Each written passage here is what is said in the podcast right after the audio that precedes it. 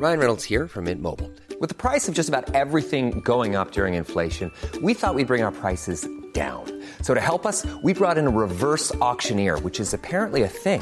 Mint Mobile unlimited premium wireless. Ready to get 30, 30, bit to get 30, bit to get 20, 20, 20, bit to get 20, 20, bit to get 15, 15, 15, 15 just 15 bucks a month. So, Give it a try at mintmobile.com slash switch. $45 upfront for three months plus taxes and fees. Promo for new customers for limited time. Unlimited more than 40 gigabytes per month. Slows. Full terms at mintmobile.com. Burrow's furniture is built for the way you live. From ensuring easy assembly and disassembly to honoring highly requested new colors for their award-winning seating, they always have their customers in mind. Their modular seating is made out of durable materials to last and grow with you.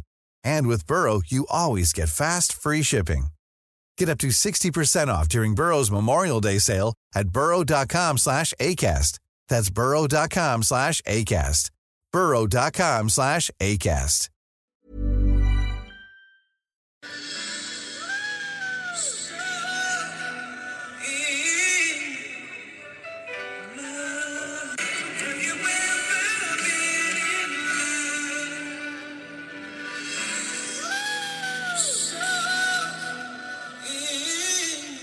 Då undrar jag Anita Clemens, vad var det där? Åh, det där var Anders Bagge som sjöng en kärleksserenad till sin underbara Johanna. Som han ursprungligen skrev till Det visste jag inte. Céline Dion. Nej men sådär ja. Ja, han är ju liksom stor. Det här är liksom ett högdjur. När han sitter där och är mysfarbror med skägget så, så glömmer man lätt bort det. Men han är ju verkligen en tung snubbe inom musikindustrin. Absolut. Jag låter lite konstig idag för jag har fått en förkylning som har lyckats sätta sig på stämbanden så att jag har fått höra i sociala medier att jag låter som Pau. Så man kan säga att det är Ann Söderlund och Pau som har den här podden ihop. Nu går händelserna i, i förväg. Du har ju också smittat mig med paussyndromet. Så att jag låter ju inte, också det har inte fastnat på stämbanden. Nej, jag vet inte men du har i alla fall smittat mig. Ja. Ja, på alla sätt.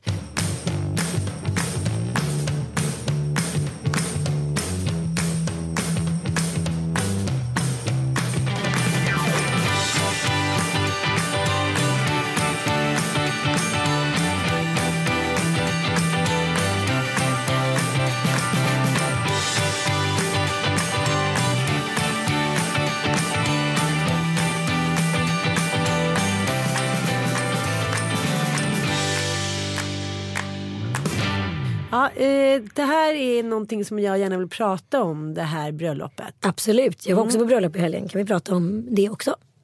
Var du på bröllop i helgen? Jaha. Jaha, oj, här har man koll så du förstår. Ja, men det, här, det här som är så spännande tycker jag, för det här bröllopet som jag var på var det eh, ett par som gifte sig för andra gången. Och det var ju Anders och Johannas bröllop också. Men paren har valt att tolka andra gångens giftermål på helt olika sätt. Wow, spännande. För här var det så här, som att det vore liksom första gången någonsin. Här har de ju, Johanna och eh, eh, Anders har ju blåst på liksom på ett väldigt, kan man säga, osvenskt sätt. Ja det kan man verkligen säga. Ja. Carola sjunger, herregud. Ja men vi- vi, jag tycker vi tar det från början sen. Men, men eh, hur hade dina liksom, hur hade ditt bröllopspar tolkat det då? Nej, men, det var ett väldigt vuxet bröllop. Eh, vigseln var ungefär tre minuter. När man egentligen bara liksom pratade lite privat om varandra och den kärlek man har hittat. Och sen så var det tager du denna och så vidare. Och sen var det klart. Och sen gick man direkt på festen. Det var aldrig någon middag, ingenting sånt. Utan allt var bara en jättestor lyxig fest. Jaha, så det var inte sittande middag? Nej. För de var båda så här, det här är andra gången, nu går vi på det vi liksom egentligen tycker är kul med ett bröllop. Vi går till det viktiga och sen går vi till det roliga. Jaha. Wow, det har jag aldrig hört talas om. Nej, och det är det här jag funderar på för då såg jag ju samtidigt när jag var där Anders Bagges bröllop i sociala medier. Där han hade liksom gått åt helt andra hållet. Här var det ju liksom som att så här, you are the love of my life. Alltså så det var ju liksom så stort. Och då tänkte jag så här, jag då som potentiellt, det vet jag inte kommer ske igen, kommer eventuellt gifta mig tre gånger. Är det nu man ska dra på? Eller är det nu man ska vara lite mer low key? Ja, men du har ju haft två väldigt eh, olika sorters bröllop. Absolut. Det ena var lite så här, ursäkta uttrycket, ungdomsbröllop. Verkligen. Ja. på Bora Bora höll jag på att säga men det var det inte. Borneo. Ja. Borneo. Ja. Och där var det mycket Vi stannar här- där. Vi stannar där. jag, jag älskar den bilden som du har med i showen som säger så mycket vem man var då, eller många av oss. Att det, var så här, det viktigaste var liksom kanske inte vem man gifte sig med och eh, hur det gick till utan att man själv fick vara snygg på någon bild. Ja, verkligen. Ja, för varje bild så är du längst fram så ser man din dåvarande så här, lite suddigt i bakgrunden. Sen, du har en liten show bara. en enmansshow. Men andra bröllopet var ju fläskigt. Det var fläskigt. Det var jättefint men det var ju ganska litet bröllop. Det var drygt 100 gäster. Ja, ja, lite till lite. Jag skulle aldrig vilja ha mer, då skulle jag gå under tror jag. Då hinner man ju inte ens prata med folk. Nej jag vet. Det kanske inte är meningen. Men vi ska lyssna på eh, sången som Anders Bagge sjöng i kyrkan Ja. till Johanna. De gifte sig i Erik Eriksson-hallen som ligger på Skeppsholmen som jag tycker är helt ljuvlig. Jag tycker den är svår eftersom den är helt rund. Men man måste ju ha mycket folk. Ja, för jag har ju varit på partys där det inte varit mycket folk. Då, då blir det det jobbigaste på jorden. Det är stort. Det är en gammal kyrka stor. som nu då har eh, avkristnats. Ja, ish. Ja, ish. Ska vi lyssna? Igen. Men vi ska lyssna på sången han sjöng på själva bröllopet. Men vad då var inte det där sången han sjöng? Nej, nej, det här var på efterfesten. Jaha, ja, när han fan. körde på. Ja, han körde på. Okej. Det är lite som så här, mycket är mer, att han typ inte kunde sluta. Jag kan förstå den där känslan också, man så här, har den där pipan som han faktiskt sa som man aldrig riktigt har showat innan. Det är också en realityserie, det hade jag inte heller fattat. Va? Ja, hela bröllopet ska bli en realityserie. Va? Ja. Var det därför det var så mycket folk från TV4 där? Jaha, jag vet inte. Nej, jag var såhär, Men- jaha vad gör den där människan där? Känner de varandra? Jaha tydligen. Ja. Eller är det bara för att den är jag reagerade TV4-anställd? faktiskt också lite så här, och den är där och hon är där. Men det var ju mycket folk där som man kände. Ja verkligen. Men den här sjöng han då, Anders Bagge för Johanna i kyrkan. Och det har varit mycket inför det här att han har gjort illa fot foten och skulle han behöva liksom, han fick ju gå in med krycka, skulle han behöva köra sin rullstol och det har varit mycket om. Oj oj oj. Och det jag älskar, om vi nu skulle så här, kasta oss in i könsgeggan eller lägga oss i den och ah, riktigt som ah, grisa runt där. Så är det liksom, har det varit väldigt mycket fokus på honom inför det här Ja. Det brukar alltid vara verkligen. bruden. Gud, Åh, ska han kunna gå? Ska han, ha, ska, ska han ha pjäxa? Ska han få på byxan? Och han har liksom bjuckat på det. Jag tycker det är befriande. Jag gillar ju honom som fan. Okej, nu ska vi lyssna. Det här var sången han sjöng i kyrkan.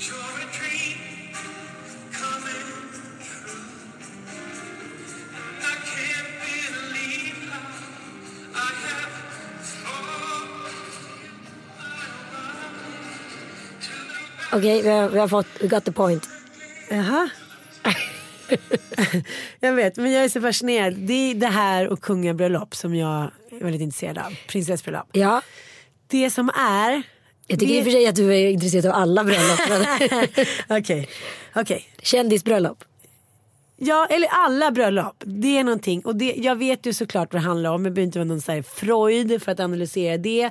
Det är ju det att jag hela tiden på något sätt fascineras av att människor vågar stå för så mycket känslor. Ja.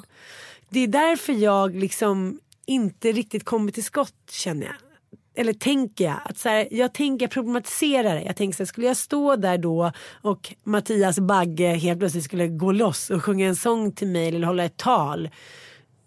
Jag vet inte liksom vad jag skulle ta vägen för där har jag kommit fram till, där är mitt kontrollbehov. Att jag vill liksom, jag vill vara den som står för liksom festen, jag vill vara den som håller tal, jag vill vara den som liksom men på något sätt, vad ska jag säga, flaggar för hur mycket känslor eller inte känslor det får vara. Ja. Och om jag då skulle sätta mig liksom i båten att vara det är ju inte det svagare könet men liksom center of attention. Så vet jag inte riktigt, jag, jag liksom hela tiden drabbas av det där, men gud vad löjligt, då skulle jag stå där, skulle alla titta, skulle det spelas en låt, skulle vi stå hand i hand, skulle vi titta på varandra, skulle vi titta varandra i ögonen då? Jag kan ju inte ens titta honom i ögonen hemma eller när vi har sex. Alltså förstår du, jag vet inte om jag skulle kunna öppna upp den känsla, känslomässiga västen och palla trycket. Jag, Jag tänker att jag bara skulle falla ihop där och ligga och gråta och sluta bära ut mig med snorig bröllopsklänning. Ja, jo, det finns ju risk. Men jag tänker också, de här känslorna som han uppbringar till henne, de har inte några egna barn. Nej. Men de har fem hundar som var med. De har fem hundar, alltså det är ju vi måste prata om det sen. Eh, men först här. Eh, och liksom, jag kommer ihåg när jag fick ett sånt bryt i kyrkan när jag gifte mig med Kalle. Där barnkören började trycka i på Oh it's such a perfect day. Han har ju ingen sångröst idag. Men du vet, jag det bara tappade. Och jag hade en mörkblå liksom, näsduk som jag liksom, i panik utav de här tårarna fick för mig att det, det blöta från näsan var blod. Så jag säger, nej men gud, tänk om jag blöder och herregud ska jag vända mig sen mot alla gästerna och så ser de att jag blöder, vad är det här? Fick ännu mer panik. Det slutade inte, jag blev knäpp. Du fick en panikångestattack Jag fick en panikångestattack. Ja. på bröllopet i så två minuter. Och sen kunde jag komma tillbaka liksom. Wow. Men det var hemskt. Men det jag tänker på är ju att de här stora känslorna som han yttrar. Ja. De kanske man faktiskt bara känner för någon. När man inte har barn med i bilden. Du kanske nailade det där. Det är därför jag alltid har sagt och aldrig lydit mitt eget råd. Gift dig direkt. Om du vill gifta dig, så här, gift dig inom liksom ett halvår. Så här, stå där och titta. Liksom, jag kommer ju aldrig, ursäkta, kunna titta på Mattias igen som jag gjorde innan vi fick barn. Såklart. För då var det liksom oskuldens tid. Då var det han jag mot världen. Det var så liksom ungt och fräscht och sexigt och liksom. Eller så gifter man sig kanske som ehm, Linda Palmgren. Efter 15 år när barnen är stora. Då kanske det är tillbaka. Då kanske man fått den där tiden igen.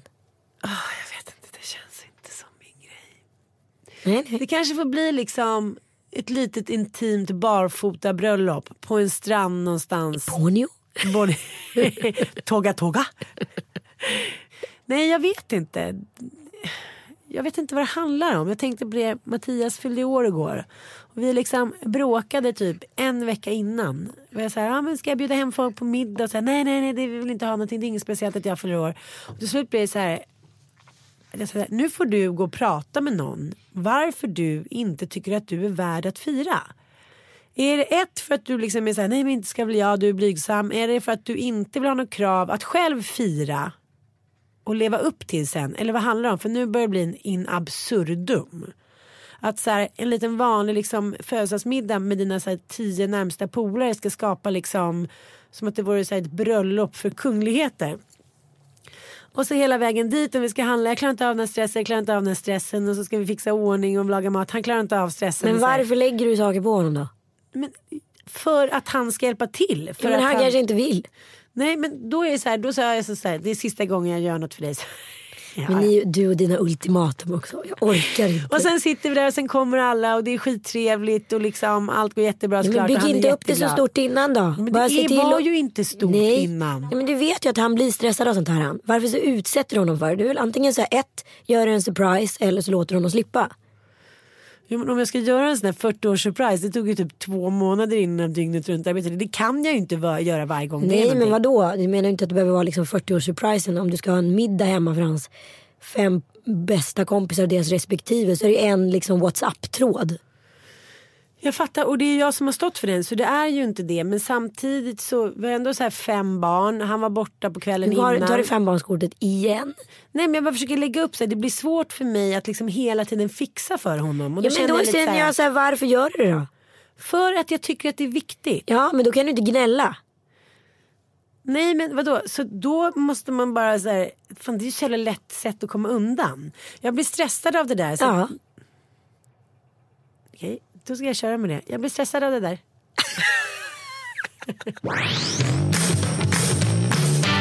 Nej men jag tycker att det är lite lex liksom eh, Bröderna Lejonhjärta. Jag vågar inte, men jag gör det för annars är jag bara en liten lort. Att det blir så här, om det är bara alltid jag som ska iscensätta någon, allting som är härligskap runt vår familj för att han blir stressad av det. Jaha, Men jag märker ju att jag är i samma situation med Joel. Att han, men, men det grundar sig i att han liksom inte, han värdesätter inte det där på samma sätt, tror han, som jag gör. tror han Ja, för Ja. när han väl sitter i det. För jag gjorde ju en sån surprise när han fyllde år att jag bjöd hem hans närmaste kompisar. Och så hade vi bara en jätteenkel middag. På, ja, först en drink hem och sen en middag på stan. Och så var det inte så mycket mer med det. Så gick alla hem. Det var en mitt i veckan grej.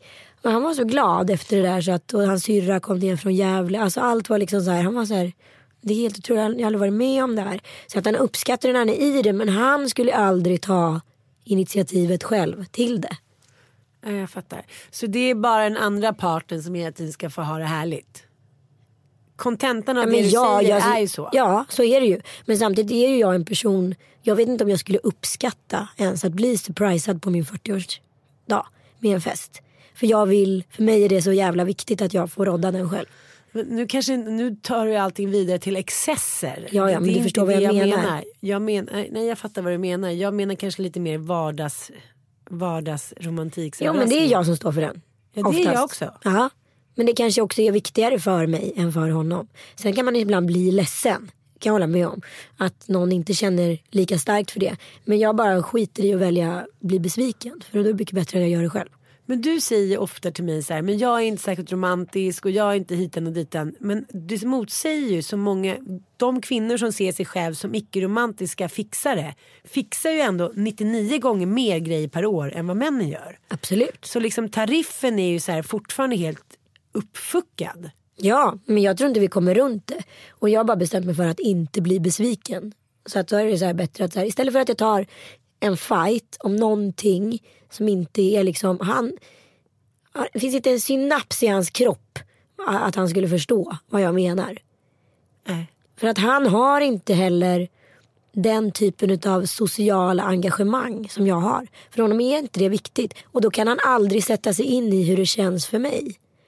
Och jag förstår ju inte honom å andra sidan som inte har det stora sociala engagemanget. Att han aldrig blir besviken när han inte bjuder in eller blir bjuden och så vidare. För han bryr sig inte. Men och då, då är blir det det som liksom att jag här- gör en mellanväg däremellan. Då är det som att småpinka på livet hela tiden. Nej jag tycker inte det behöver vara så dramatiskt. Alls faktiskt. det tycker du inte. Nej jag tycker inte Farah det. Fawcett. Det kanske är min nya radioröst där. Jag vill också se, jag vill att ni ska se hur hon så här, gjorde lite så här nickedockor med huvudet. Lite så här, ah, nej det tycker jag inte. Det tycker jag inte. Nej men jag Du kanske kommer jätte... förminskade mig nu. Nej det gjorde jag inte men jag kanske kommer vara det du är när jag är så långt in i vår relation. Men just nu så har jag bara valt att så här, jag skiter i det. Jag fattar. Ja. Men det är ju en inställning som jag tycker att många av mina väninnor har anammat. När man säger okej, nu har jag legat och så här kliat mig i huvudet tillräckligt många kvällar och varit frustrerad över vissa egenskaper som jag vill att min man ska ha och som han tydligen inte får bara för att jag sitter och vrider liksom på den där Aladdin-lampan och bara säger jag vill att han ska Men det går ju inte att ändra en ska- människa.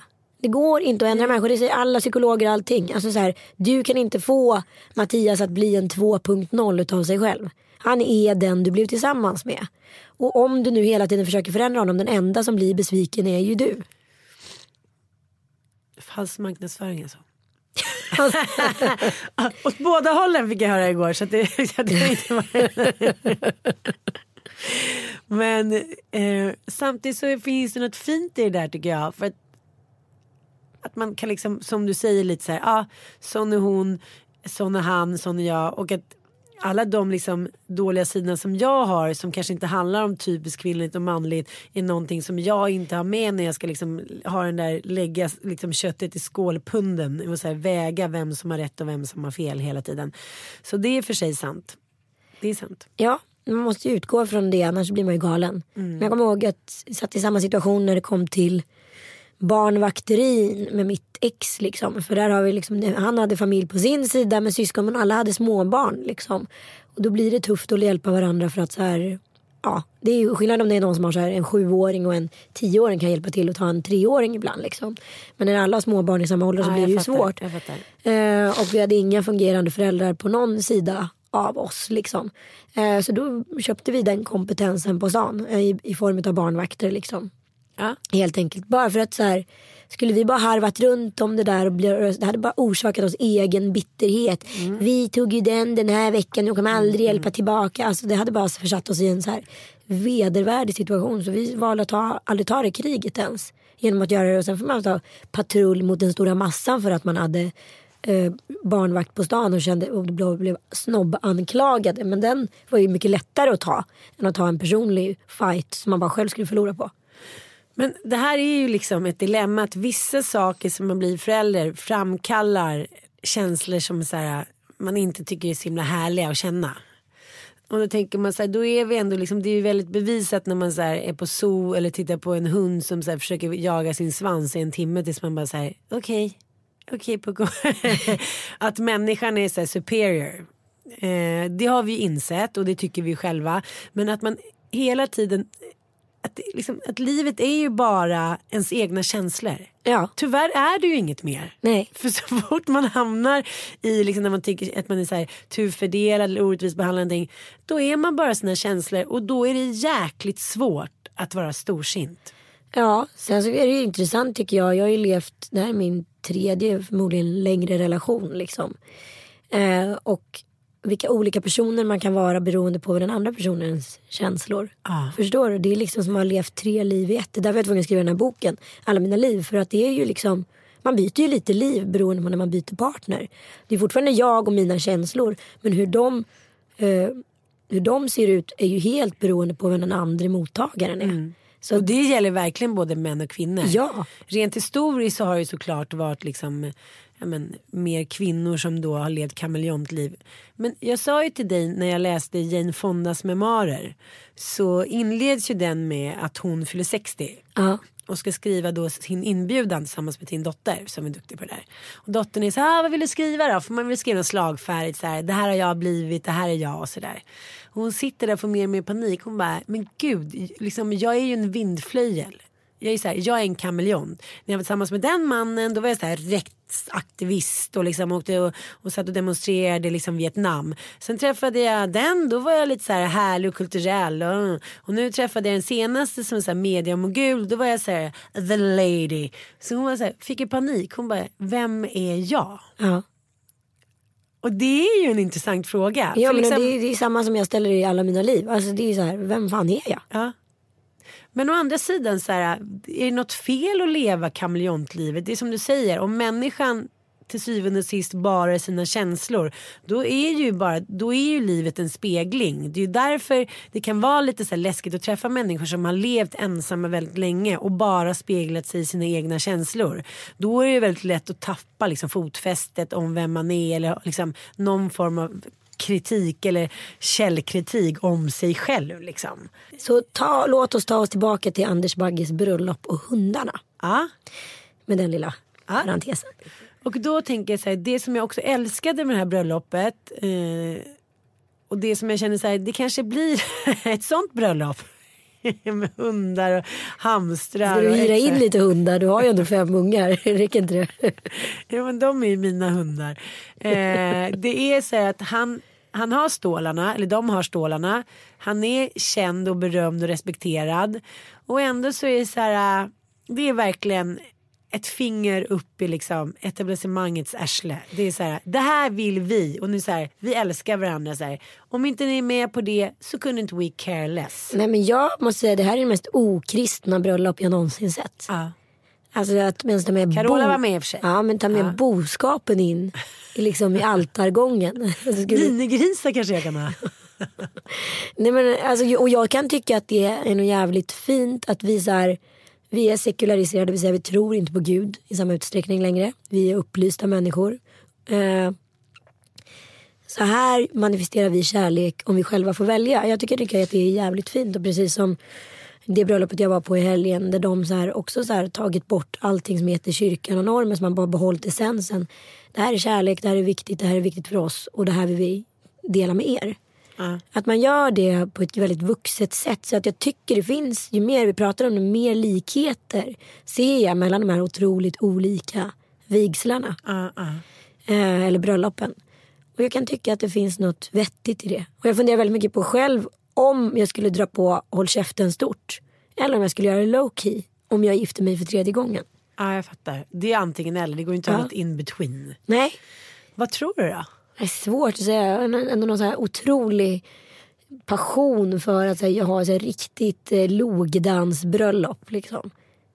Någon så här, riktigt så här, ah, du vet, här, luktar hö. Det är ju ett roligt tema. Logdans. Ja, men, Ja men så här, så här, vet ni, så här, svensk sommar är så jävla vacker så att man liksom så här, går sönder för att allt är så jävla vackert. Typ så. Och då vill man liksom så här, ha så cool folkmusik i modern tappning och liksom spelemän och det här härliga liksom. Som är så jävla fint. Och jag menar, så här, Joel är ju från Gävle så det finns ju ändå liksom en så här, Ja, men ni skulle ju kunna ha bröllop på hans föräldrars gård. ja, typ. Men när du säger det så där så låter det ju så himla himla härligt. Men så är det då logdans, så är den där enda dagen i juli där det bara spöregnar från morgon till kväll. Ja, Då är det ju inte härligt. då är det ju inte härligt. Nej, så jag vet inte. Det kanske blir ett litet bröllop i Italien, inte fan vet jag. Om det blir. Om det blir. Jag känner faktiskt inte att så här, i grunden så känner jag inte att liksom var det är är specifikt viktigt. Utan grundar sig nog att det är han och jag och de vi gillar som är där. Ja. Och sen så är det inte så stor, spelar inte storleken så stor roll. Nej, jag fattar. Ja, vill jag berätta det för alla eller vill jag berätta det för oss? Det vet jag inte. Men du brukar ju berätta det för alla så den här gången kanske du skulle göra någonting annat. Ja, Det vore ju gulligt. är mitt emellan. Ja. Jag har haft ett stort, jag har haft ett jättelitet. Det kanske blir mitt emellan då. Men, men vad tror du han vill då? Är det viktigt? Jo, nej, men det är det. Men han, är, han har lite samma inställning som mig. Att det inte, till att börja med att vi inte, någon av oss tycker att det är jätteviktigt att gifta oss. Nej. Så vi utgår därifrån. Men om, hur skulle vi göra det? Det har ju hänt eh, grejer i sociala medier igen. Jag märker allt tydligare att det är två olika generationer som kommunicerar varan- varandra på samma plattform och ska då försöka tolka varandras uttryck. Och jag säger inte att någon har rätt eller någon har fel här. Jag bara inser att det är sån otrolig schism där ute hela tiden. Och varför den här schismen uppstår är ju för att vi har två olika generationer. Millennisterna som är födda runt 00-talet. De har vuxit upp och blivit vuxna. Och deras vad ska jag säga, värdegrunder och värderingar ser väldigt annorlunda ut från våra. De har också lärt sig någonting annat. De mår också extremt dåligt. Det har aldrig varit så mycket unga människor som har sökt till BUP och så vidare som går i högstadie och gymnasium. Ehm, och jag har funderat verkligen på var det, varför det är så här. Jag var på ett framtidsseminarium för typ sju år sedan, alltså samma år som Penny föddes i alla fall. Ehm, och då var ju miljonisterna fortfarande eh, barn, tonåringar. Och då pratades det om att de kallades för generation boring, ganska hårt beskrivet. Men det var det som var kontentan. Att de är fria från ironi. De har extremt hög moral. De hade inte sett mätningar på sån här hög moral sen de hade gjort mätningar på barn som var eh, 30-talister. Inte, det var, alla var lite i chocktillstånd hur den här generationen ens hade kunnat uppstå baserat på vilka vi var. Vi eh, som kom från ironi, vi som var 70-talister, vi som hade varit proletärer etc. Allt möjligt liksom. Varför kom den här jävligt preussiska arten liksom in? Det var som att renässans-England hade slagit out of the blue ner en befolkning på jorden beamad från yttre rymden. Och det här är ju det enda som det kunde förklaras var att det här är ju den absolut perfekt bästa revolutionen man kan göra mot några som har skitit i allt ganska länge. Så därför har den uppstått. Men vi som fortfarande skiter i allting finns ju kvar där ute och vi då har också det här som socialt spelrum. Men det, den här, vad ska jag kalla det för, preussiska 30-tals, ny-30-talisterna hela tiden agerar efter är ju att försöka läxa upp oss och lära oss om moral och värdegrunder utifrån perspektiv som de har. Som inte Och alls ser ut, känslor som de ja, har. och känslor som de har som inte alls vi har. Och här uppstår det ju clincher hela tiden märker man. Eh, och här är ju problemet, om jag hade kollat på en tv-kanal som sänder innehåll som jag inte uppskattar. Då hade jag ju kanske bytt tv-kanal och liksom gått vidare. Istället för att hela tiden irritera mig. Men de här personerna de kollar på den här kanalen hela tiden och irriterar sig och irriterar sig. Skriver brev till den här tv-kanalerna. Så där kan man inte säga, så där kan man inte göra. Istället för att liksom gå vidare. Och det är det här som är en stor skillnad. Om jag ser någonting på sociala medier jag stör mig på, då antingen slutar jag följa eller så bara så väljer jag att kolla på någon annan. Liksom. Ja, det är ju det här fria valet som vi står inför och det finns ju där hela tiden och jag tyckte Sanna eh, sa det jäkligt bra på sin Insta. När gjorde hon det? Jag missat. Eh, I förrgår. Ska vi lyssna på den? Ja. Den är ganska kort. Eh, många av hennes följare är ju otroligt irriterade på att hon lägger i sponsrade inlägg. Ja. Jag tänkte försöka förklara varför jag gör det. Jag vill vara så fri som möjligt i mitt yrkesutövande. Jag bloggar, jag poddar och jag instagrammar. Ibland är jag programledare i radio och tv och ibland eh, skriver jag artiklar, reportage och böcker. För att kunna finansiera mitt frilansliv så gör jag ibland sponsrade inlägg. Eh, jag försöker välja varor, tjänster, produkter, eh, företag som jag verkligen tycker är bra för att det ska kännas bra i magen för alla inblandade. Ni som avskyr reklam, eh, jag ber er, bläddra bara förbi de här sponsrade inläggen. De är tydligt märkta. Ni ser när det är ett sponsrat inlägg på gång, så bara bläddra förbi. Ta till er det ni vill, låt resten vara. Vi behöver egentligen inte så här prata mer om det. Det, det är min Jo det behöver vi visst. Nej men när hon säger det på det där sättet så framstår det som så självklart. Men det som har hänt tycker jag, och jag vet inte, jag tycker att det känns som att det är lite, eh, alltså det som har, jag, de som jag tycker går över gränsen, jag vet inte, jag tycker det har blivit värre sen metoo. Ja faktiskt det är som att så här, det har på något sätt legitimerat alla att få vräka ur sig vad Precis. som helst. Och det är det här som hela tiden, det var vi inne på i förra podden, att när, liksom, när brottet inte står i paritet till straffet då blir det liksom konstigt. Och den här åsiktsregistreringen som hela tiden pågår det påminner om de så här gamla Stas i Tyskland eller liksom när Sverige håller på att registrera liksom kommunister eller vad det nu var och USA med. Alltså det här är så märkligt och det är också märkligt att en typ av åldersgrupp eller generation har tagit på sig det här ansvaret att vara domare inom det här. Vi, alla som sitter med lite mer livserfarenhet innanför västen vet ju att livet har många fler lager och nyanser än svart och vitt. Eh, och här blir det ju liksom konstigt. Jag, kan, jag skulle verkligen vilja uppmana alla ni som lyssnar på podden eller följer mig eller Ann eller någon annan på Instagram och hela tiden blir arga. Det går faktiskt att avfölja istället för att försöka förändra mig och mina åsikter om vi inte har gjort liksom politiska, moraliska eller samhällsmässiga fel eh, som står i, i kollision med liksom den demokrati vi lever med. Men det här som pågår hela tiden med den här åsiktsregistreringen det är en ganska dålig del i demokratin. Och det är ju frågan som vi ska ha då ett demokratiskt statsskick om vi nu alla ska ha en och samma åsikt. Om det känns bättre för alla. Och det tror jag inte att det gör. Nej men det som jag tycker är att det blir också väldigt tydligt att det är kvinna mot kvinna. Ja. Här, Och det sa den här forskaren vi pratade med att eh, sociala medier är ett väldigt Tobias kvinnligt, Hübinette, ja. Mm. ja. väldigt kvinnligt eh, medie. Precis. Och eh, jag vet inte, jag tänker inte göra någon tolkning om det kan vara så här tusentals år av förtryck eller liknande och nu, nu är det vår tur att ösa liksom ur oss allting vi känner, alla känslor återigen. Men på andra sidan sitter det liksom eh, människor av kött och blod och som kanske använder här, sina forum som sitta och snacka lite som man gör i vardagen. Som kanske inte uttalat har tänkt att det ska vara superpolitiskt eller korrekt utan bara så här ett tjejsnack i etern. Sen kan man ju inte liksom fråntas ansvar, det är inte det jag menar. Men att liksom att det ska vara så hårt där ute, det förstår inte jag. Kommer du ihåg Fittstimsrevolutionen? Förra gången det var liksom en feministisk revolution.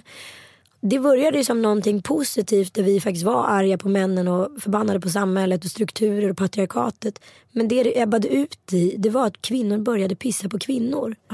Och nu ser jag exakt samma mönsterbeteende ske igen. Det här systerskapet finns liksom inte. Det är otroligt svårt att se. Och jag tycker också så här utifrån att folk mår så dåligt som är så unga så tänker jag också på att om åsiktskorridorerna är så här snäva att vara korrekt då förstår jag också att väldigt många unga mår dåligt. För ingen är då perfekt. Och alla söker hela tiden möjligheten till att vara perfekt. Och jag är så jävla trött på att du ska behöva stå och vara en body positive cis person som eh, älskar vegmat och inte, alltså det är så många politiska förskrivningar för att få vara korrekt. För att avskriva sig från möjligheten att göra fel. Förstår du? För är du inte det där så är du fel.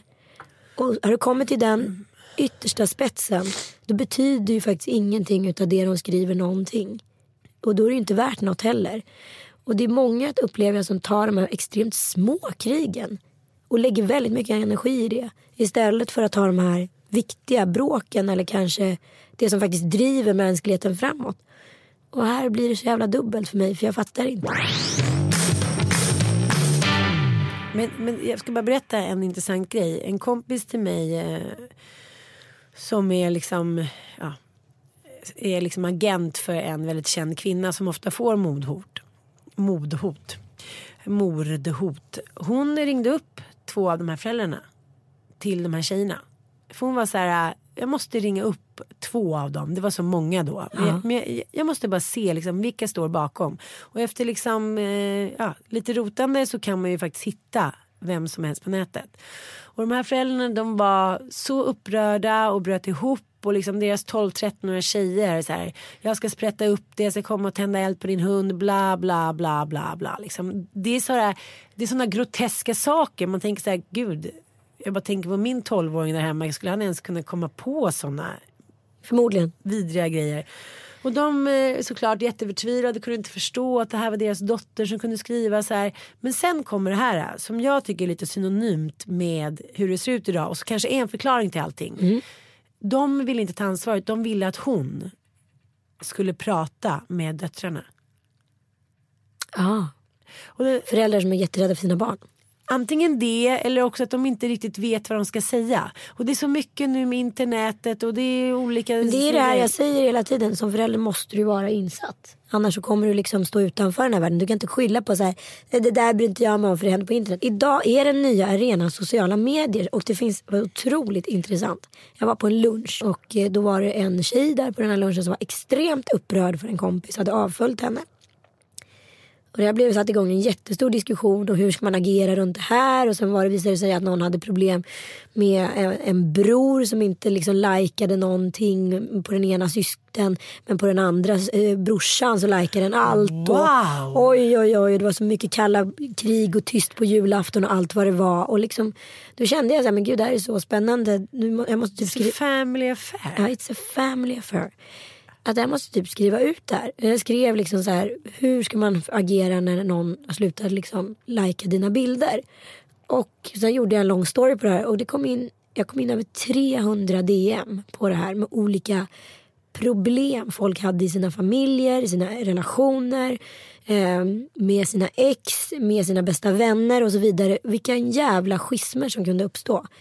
Parallellt när jag lägger upp det här så hör två vänner till mig av sig och berättar att de har avföljt mig.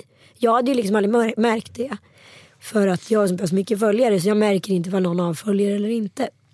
Med, med lång förklaring varför. Och det var ju jättefint men det blev ju liksom lite dubbelt här för att jag hade ju inte bett om det. Jag tycker det var bara jättebra att de sa det. Men jag hade inte behövt förklaringen. Och det är det här som hela tiden är problemet. Jag tror så att folk som inte har ett lika stort engagemang i sociala medier måste uttrycka det till sina vänner. Eh, så att inte konflikter uppstår eller släktingar eller vad det är. Man måste se till att förekomma här att säga hej, om inte jag följer dig det betyder inte att jag dissar dig eller liksom tycker illa om dig som person eller någonting. Jag bara pallar inte att följa så mycket människor och det händer jättemycket på ditt konto så att jag liksom vill inte. Sen finns det ju faktiskt den här funktionen som heter mute nu för tiden. Den kommer lite sent. Men när man går upp i de här tre prickarna som är till liksom höger på profilens konto eh, istället för vänster där profilnamnet står. Då kan man välja så här att den kan bli mutad. Det vill säga att den inte blir avföljd men den blir tystad i flödet. Och det kan ju vara ett liksom mer politiskt korrekt sätt att göra det på. Det har ju funnits på Facebook jättelänge. Just för att Facebook har ju sett att de här grejerna sker ju. Att det blir extremt stora schismer IRL baserat på det som vad heter det, sker i sociala medier. Så att det är ju inte en, det är ingen icke-fråga om man säger så. Men vad då? Då sätter du liksom en, vad ska jag säga, en, en tyst munkavle på din vän. Ja fast det vet ju inte den om. Och då kan du gå in och lajka bilder lite då och då. Du känner så här, åh gud den här personen spammar så jävla mycket. Idag funkar algoritmen så på att den premierar ju de som är väldigt aktiva. Så har du väldigt mycket inlägg hela tiden i ett jämnt flöde då kommer det, det kommer bara så an, an, an, an, an upp hos mig. Och sen kommer mina andra kompisar väldigt mycket längre ner.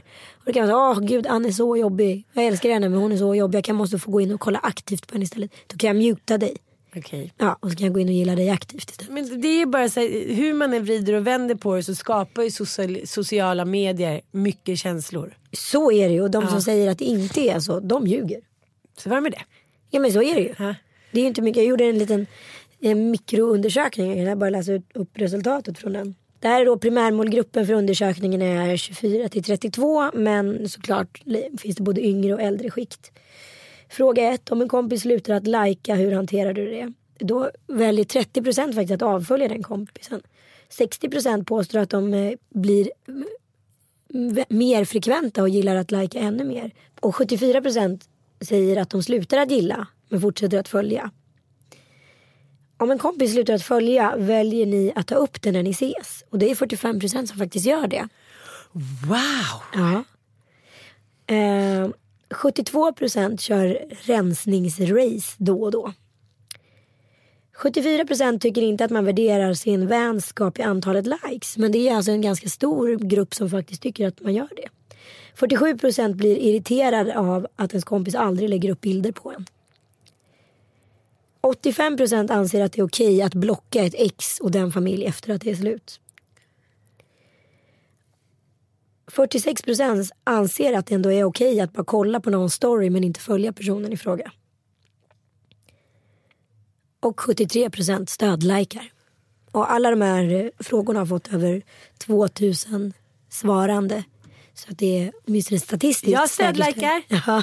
jag älskar att stödlajka. Ja. Och så undrar jag lite så här, men varför, varför, vem begär egentligen den här stödliken? Varför värderar det- jag att den här människan behöver en stödlike? Ja men också så här, handlar det inte om, alltså jag tycker att här, det fina med sociala medier det är att alla är så här engagerade och delar på allt. Och gillar man någonting och gillar man någon, då vill man ju backa den. Och då är ju en stödlike viktig. För mig är det liksom att så här, ett diplomatskap i det här, att man så här clearar kartan och så liksom rent, rent professionellt och personligt.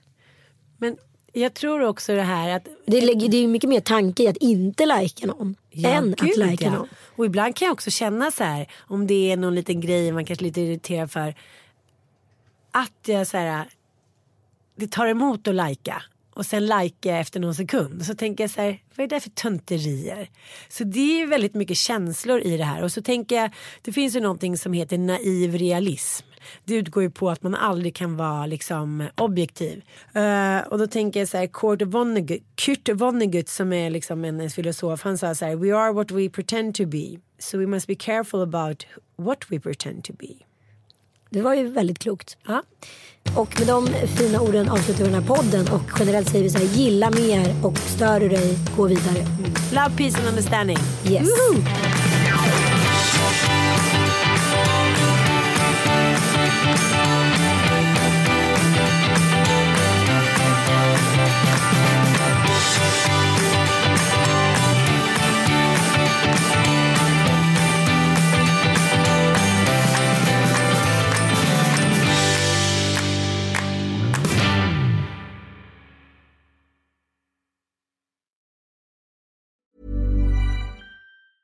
Even on a budget, quality is non-negotiable. That's why Quince is the place to score high-end essentials at 50 to 80% less than similar brands. Get your hands on buttery soft cashmere sweaters from just 60 bucks, Italian leather jackets, and so much more. And the best part about Quince, they exclusively partner with factories committed to safe, ethical, and responsible manufacturing. Elevate your style without the elevated price tag with Quince. Go to quince.com slash upgrade for free shipping and 365-day returns. Imagine the softest sheets you've ever felt. Now imagine them getting even softer over time. That's what you'll feel with Bowl Branch's organic cotton sheets. In a recent customer survey, 96% replied that Bowl Branch sheets get softer with every wash. Start getting your best night's sleep in these sheets that get softer and softer for years to come. Try their sheets with a 30-night guarantee. Plus, get 15% off your first order at bowlandbranch.com. Code BUTTERY. Exclusions apply. See site for details.